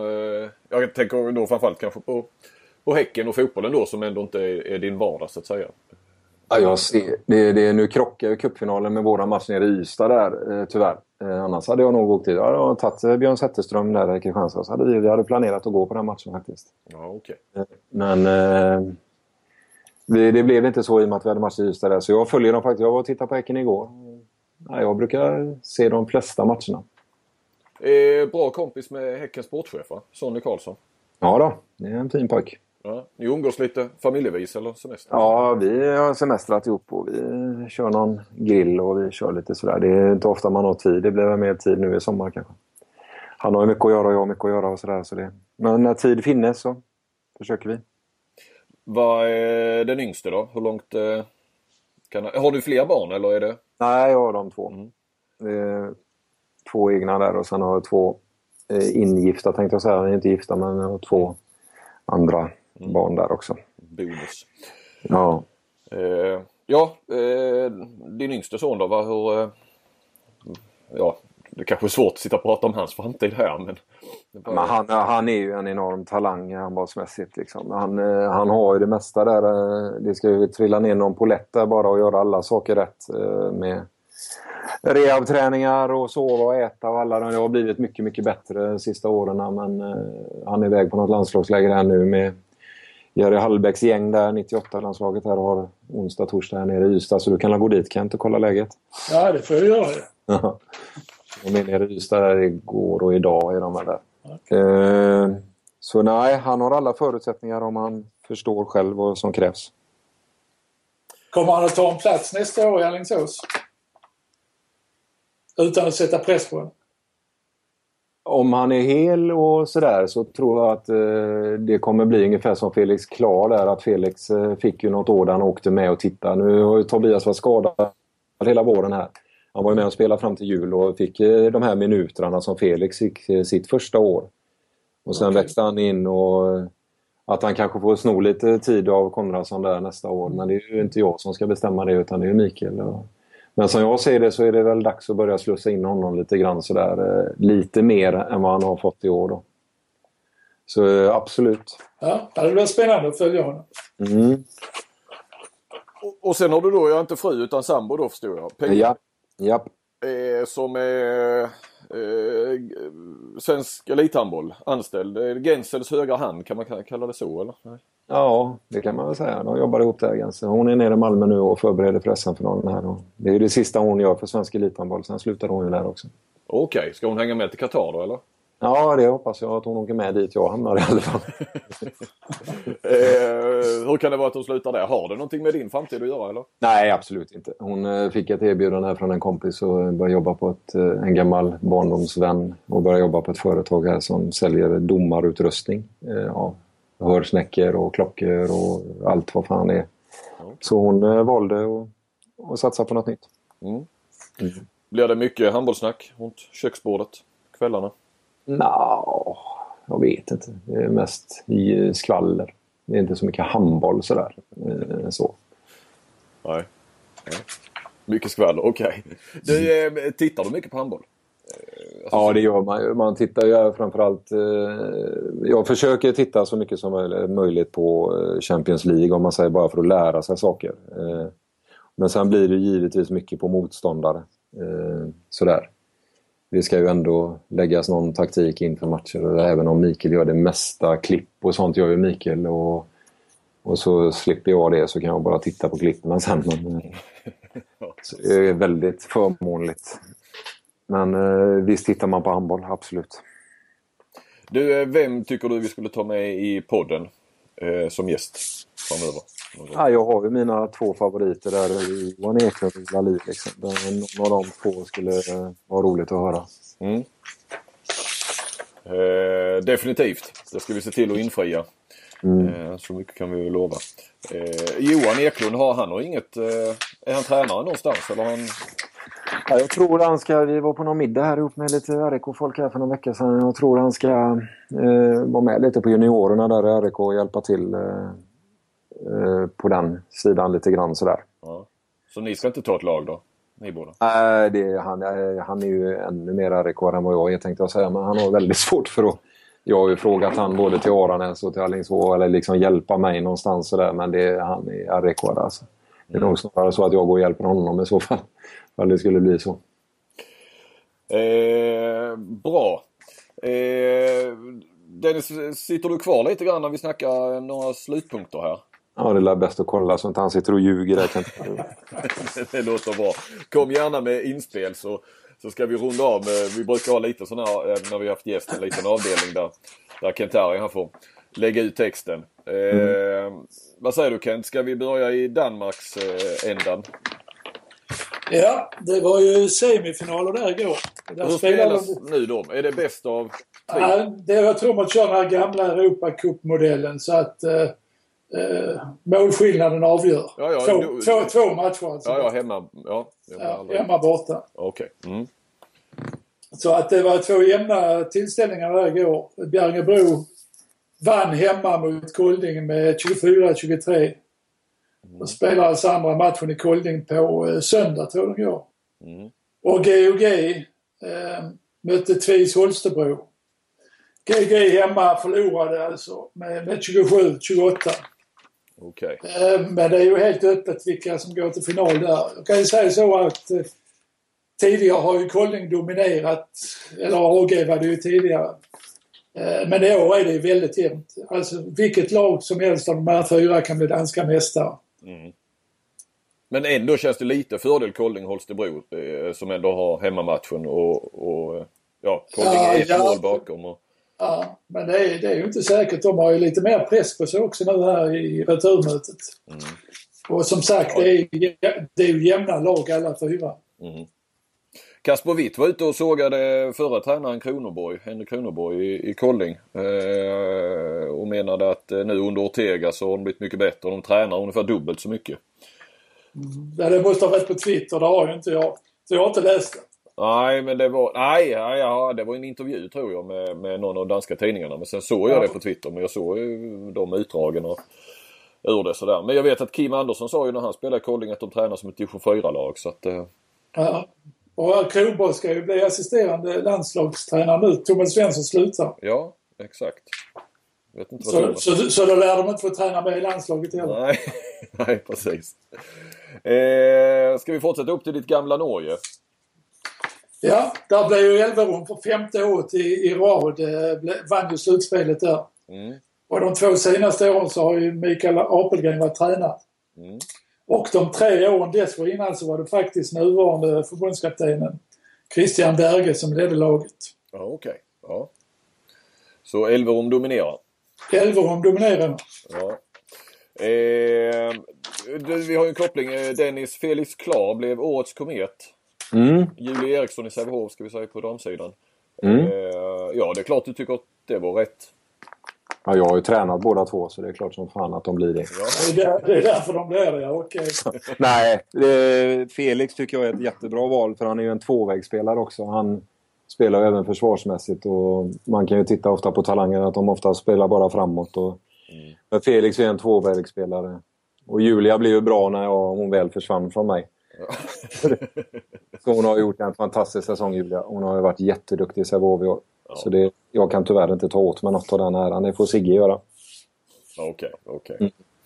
Eh, du, är lite intressant här damfinalen. Eh, vilka är favoriter? När jag har snackat runt lite grann så säger jag ju, eh, jag har mest snackat med Sävehof eh, ska jag säga med ett par av dem. Pratade med Julia igår och eh, de säger att Skuru är favoriter i år och eh, sen såg jag bara att Skuru, eh, mm, tror det var om det var, det var i det här magasinet då, en match. Om det var tränaren eller var Karin Strömberg, jag vet inte, eller båda två som tyckte att Sävehof var favorit. Eh, vad säger du Dennis?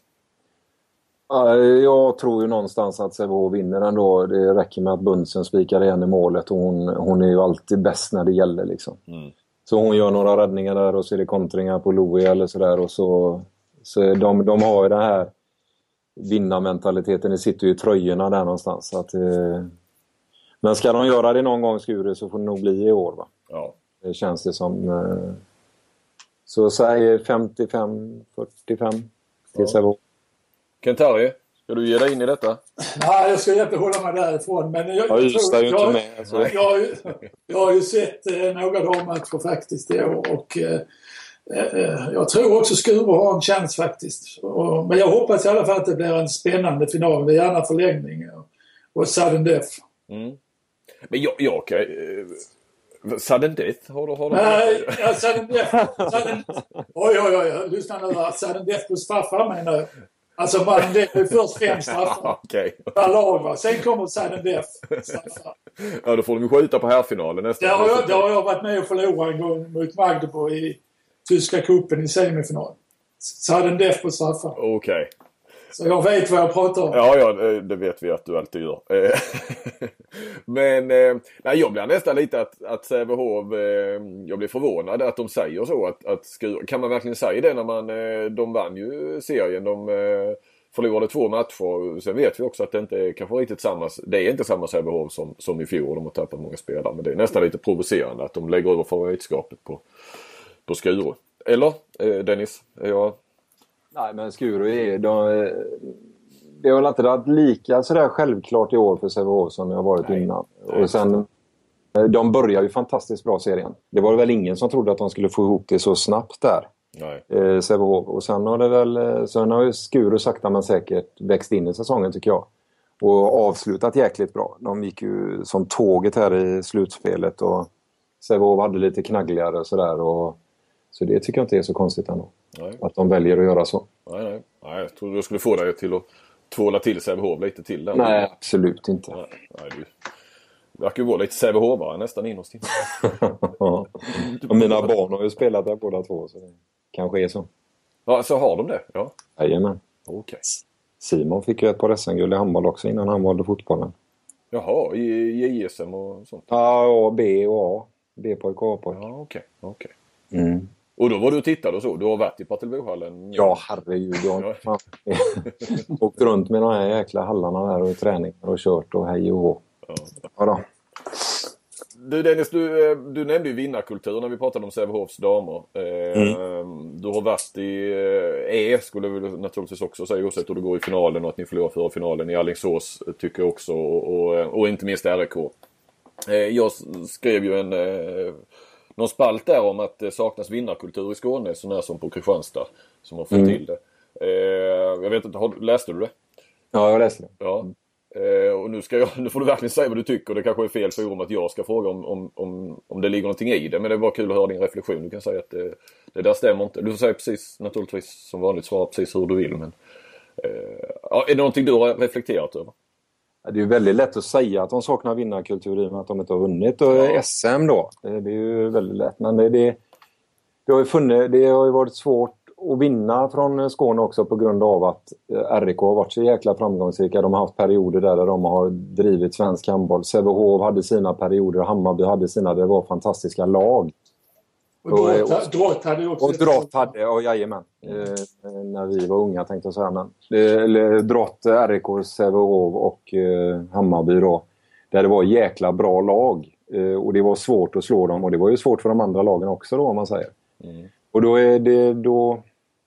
Jag vet inte fan. Det, kanske, det är ju någonstans att du skapar ju rätt självförtroende i en förening eh, när du drar på den tröjan. Det är som i Alingsås här nu. Vi, vi är aldrig någon som pratar om Alingsås eh, innan säsongen. Ja, de är bra men i år är det Ystad eller i år är det Lugi eller i år är det kan vara vad som helst. Men fan när det väl gäller där sen och du står där och då ska du känna igen det och då ska du banne mig lägga den taktiken som krävs och du ska slita för din lagkamrat och det här och jag vet inte hur långt de har kommit där nere med det. Nej. Kristianstad är ju fantastiskt duktiga handbollsspelare. Ja. Eh, och det vinner de ju på. Mm. Mm. Sen, där, sen är väl eh, Lugi och Ystad är ju också jätteduktiga. Alltså. Eh, men kanske saknar det där lilla sista då. Mm. De två första matcherna där var de inte riktigt med mot oss här nu. Den här, och sista matchen hade de ju bestämt sig. Och, då, och Kim är ju helt fantastisk då. Vad fan ska man göra åt honom i en sån match? Nej. Det är bara att applådera i stort sett. Men han var inte i balans de två första. Och, det, och vi är i balans i alla tre matcherna. Sådär. Ja, Han, han satt ju till och med på bänken en hel halvlek nere i Ystad sista hemmamatchen. Ja. Det, Men det, det kanske var rätt också. Eh, just i den matchen. För den var ju över i stort sett i halvlek där. Och att han fick vila upp sig. Och han har... en, ha- en handbollsmatch är aldrig över, det vet du. Ja, nej, det är den inte. Men det skulle nog mycket till i den matchen i alla fall. För där, eh, det var jobbigt för dem där. Men det är som man säger, det är så lite som gör det också. När vi ledde med 7-3 nere i Ystad, då hade de bränt fyra straffar. Hade det stått 7-7 där, då hade det varit en helt annan match. Så det är så lite, lite, lite som gör det. Så det, ja, eh, ja, ja, fråga. Det är svårt att svara på när man inte är i de miljöerna. ja, visst. Eh, ska vi runda av lite med Signell som damförbundskapten? Du har ju hyllat honom Dennis. Eh, Kent, du har eh, jobbat med, med Sigge.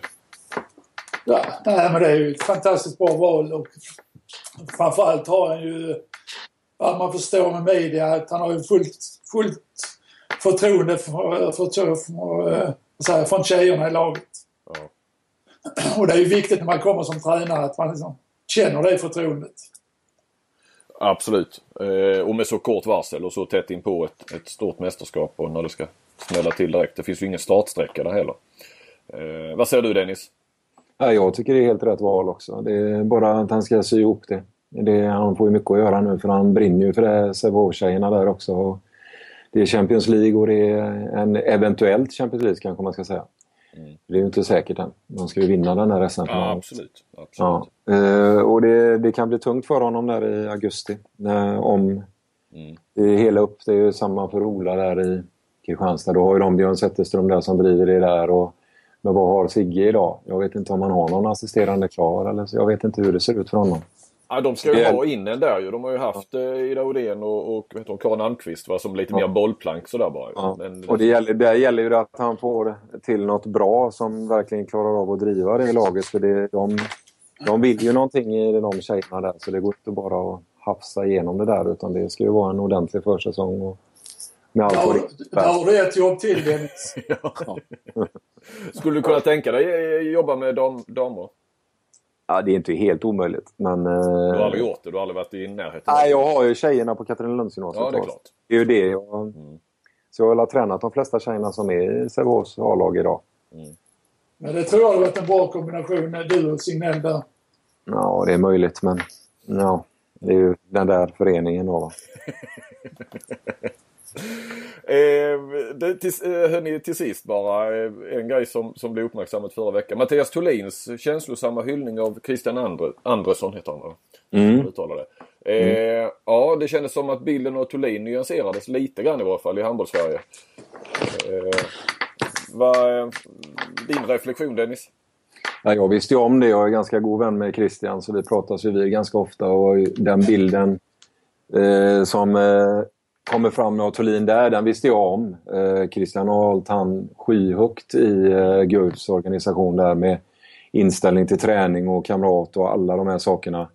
Och det är ofta så att eh, de som är jobbigast utåt, de är faktiskt de bästa killarna inåt. Eh, det är väldigt ofta så. Så den, den bilden visste jag om eh, Thulin. Hur mycket Christian tyckte om honom.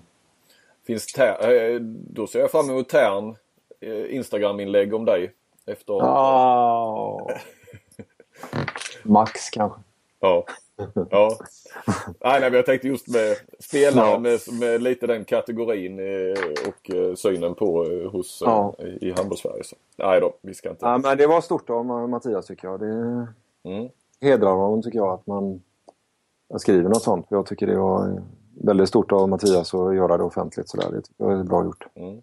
Det är inte ofta att ledare får den credden. Nej, nej precis. Man får något ord emellan sådär eller ja, det har varit jättebra och hej och hå sådär. Men det här Någon, var, någon det var, utvärdering sådär lite. ja, ja, Ja. men det här var riktigt vackert om man får säga så. Men jag förstod på Frasse Dennis, och nu pratar jag på här, eh, likt Frasse kanske. Men eh, att du har en, kommer rätt nära mycket, många av dina spelare. Alltså har en, en eh, och i efterhand mycket kontakt och eh, ja, kommer dina spelare rätt nära. Ja, men det är ju det här jag har lite från Reine och Ola där och Johan Eklund är ju likadan där att man bryr sig väldigt mycket om människorna också. Jag, jag tror inte man, man kan gå ner, ja visst du kan gå ner och träna ditt lag och de är professionella och allt vad det är men vi lever ju inte i en professionell värld. Eller jag har inte gjort det som ledare i varken RIK eller Aranäs eller här.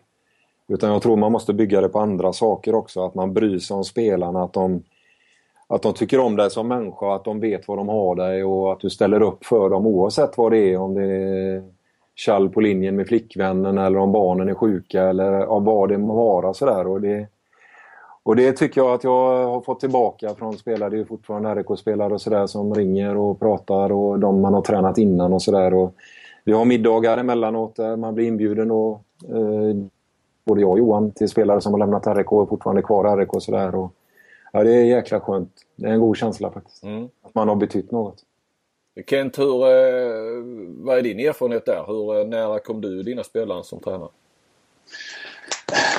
Ja, i Tyskland är det ju lite annorlunda men, eh, men jag tycker nog att jag kommer ganska nära. Vi hade en väldigt, i Norton speciellt, så, som var en familjeklubb egentligen. Mm. Eh, där kom vi varandra väldigt nära och vi umgicks även på fritiden vä- väldigt mycket, jag med spelarna. Och, ja, vi var ett gott gäng där och eh, det är väl lite som jag är som människa också. Jag vill komma närmare, nära spelarna annars får jag inte ut max för dem. Jag, har det, jag pratade med Palicka där när de fick han Gislason heter han va? Det första året försökte han vara demokratisk i Kiel och det gick ju käpprätt åt helvete. Det var Han så. försökte, vara, gå- ja, han försökte prata och de skulle vara delaktiga och hej och hå, men då har du 15 stjärnor där. Ja. Som alla, alla vill vara stjärnor och det gick inte. Så var han tvungen att ändra ledarstil året efter det. Okej. Så det jag tror det är svårt och det är samma Ola har ju professionella spelare i Kristianstad liksom och då kan man ju ställa högre krav också på något sätt. Jag vet inte. Eh, Ola är ju en professionell tränare. Han har ju varit utomlands och jag vet inte alls hur han fungerar i gruppen sådär men man kan ju tänka sig att man kan ställa helt andra krav på spelarna i alla fall när de är professionella och de har det som yrke och sådär. Vi, är inte, vi har ju snickare och rörläggare och målare och allt vad fan de är. Va? Och det blir lite annorlunda. Mm. Jag tänkte komma in på Ola och Kent, du känner ju då Ola utan och innan. Att han känns ju inte alls som den typen av tränare som, som eh, då Dennis till exempel. Eh, eller har i varje fall förändrats kanske av sina år i Tyskland och sen tagit det med sig. Och som du säger den här professionella eh, professionaliteten som är större i, i, i Kristianstad. Rent eh, ja, ekonomiskt och så. Det är ju klart att Ola, Ola spelar i två olika roller. Han är ju helt annorlunda som kompis och, och människa utanför handbollsplanen. Och eh, det är ju som Dennis säger att det är ju lite svårare när man har olika nationaliteter i laget utan man måste ju vara på ett helt annat sätt då. Eh, Det är lite lättare om man bara har skandinaver i ett lag. Mm. Förhållande till spelarna så kan jag berätta nu i tisdags när vi spelade golf i Åhus så satt vi åt så så sa jag till, till Ola att fan det varit kul att eh, hälsa på Beutler för han bor i Åhus. Ja, det hade varit jättekul. Så vi åkte hem där och, och väckte honom. Han låg och sov innan träningen. Ja. John Beutler. Så då gick vi in där och tog en kopp kaffe och satt och snackade gamla minnen och sådär. Så att eh, ah, han har ett bra förhållande till, till spelarna utanför planen, Ola. Ja, eh, det, det har han säkert. Absolut. Eh, härligt. Vi, det var en och en halv timme. Ja, du glömde Bundesliga, men det kan vi skippa. Det, det, är det är inte så viktigt. Jo, det är klart vi ska. För fan Kent. Berätta för oss. Hur, hur ligger det till? Nej, men det går in i slutskedet nu här. Nu har det plötsligt blivit spännande igen därför att eh, Rhein Eckerlöven förlorade mot Berlin. Eh, Kiel förlorade mot Magdeburg, sen förlorade man mot Flensburg också. Så plötsligt har ju Flensburg chansen igen och, och, och kunna ta det här mästerskapet. En poäng bakom med lika många matcher. En poäng bakom ja. Om man tittar på restprogrammet så har ju Flensburg då Eisener hemma, Stuttgart borta och Bergischer hemma. De kommer inte ta full pott, ingen, ingen tvekan. Rhein-Neckarlöven däremot möter nu på söndag Wetzlar borta. Och där förlorade Flensburg och där förlorade Rhein-Neckarlöven förra året. Och det är ett väldigt bra hemmalag som knappt har tappat någon poäng där så att jag tror det kommer avgöras nu på söndag. Ja. Skulle Rhein-Neckarlöven vinna där så tror jag man blir mästare. Men jag är inte alls säker. Jag tror att eh, jag tror fortfarande Flensburg har en god möjlighet. Och då ska du inkassera vin och Kim Andersson va? Det kan du räkna med. inte, inte en flaska utan ett antal. Eh, Det är inte säkert att vi smäller in någon eh, podd innan eh, Champions League Final Four som är nästa helg igen då. Så då får vi väl dra era tips eller vad ni tror där också. Ska vi börja med Kent? Expert. Ja, det, är, det är som i Danmark, det är väldigt svårt att säga. Men jag tror, jag tror lite på Vespan. Ja. Och de möter Kielce och PSG möter Kiel va? Nej, Nej, Vesprem möter väl Kiel i så semifinal. är det. PSG Kielce. Ja, Förlåt. ja. Ja, absolut. Ja. Eh, Så, så att eh, en final där mellan PSG och Vesprem, det, det, det är någonting att se fram emot. Dennis, Ja, jag tror fan med Kiel tar det. du tror det? Ja, då såg Ja, du, då såg du inte Jag- mot Flensburg. Och jag såg dem mot eh, Flensburg. Men det är något jävla magiskt med det laget alltså. Jag tror inte... Ja, nej, fan. Är Nej, du, är, du, är, du, är du beredd PSG. PSG. där du? Ja, PSG säger jag. Ja. Ja. Det, är, det är ett bättre tips. Ja, nej, jag säger PSG. Alltså vilka möts i finalen säger du? Eh, Jag tror Kiel slår Westbrem. Jag tror Kiel slår Westbrem så det blir PSG för Kiel i finalen. Okej. Och, vilka tro- och PSG vinner den eller? Ja, PSG vinner. Ja. Och vilka vinner eh, din variant då Kent? Veszprem? Nej, men jag har ju sagt Vesprem va, så att, eh, Ja okej. Mm. Men, men eh, som sagt PSG har ju egentligen det bästa laget och Karabatic brukar ju vinna där han spelar. Ja det skulle väl vara fjärde, eh, fjärde titeln med fjärde lag, eller den fjärde klubben han vinner då va? Ja, ja, Montpellier, Kiel, Barcelona har vunnit med. ja. Det skulle väl vara... Att eh, PSG är inget dåligt tips. Nej. Eh, härligt. En och en halv timme lite drygt tror jag det blev. Eh, handboll. Ja. Ja. Eh, så då rundar vi av. Vi eh, tackar iPlay för eh, samarbetet eh, som gör det möjligt att ha med Dennis Sandberg. Det var kul Dennis. Ja, tack så mycket. Det var... ja, jag får säga lycka till på söndag. Jag kommer att titta på dig. ja, tack ska du ha Kent. Ja, jag kommer också kolla. Ser fram emot ett sudden death i damfinalen. och en eh, spännande herrfinal. Eh, tack ska ni ha och eh, podden eh, kommer tillbaka. Eh, tack och hej!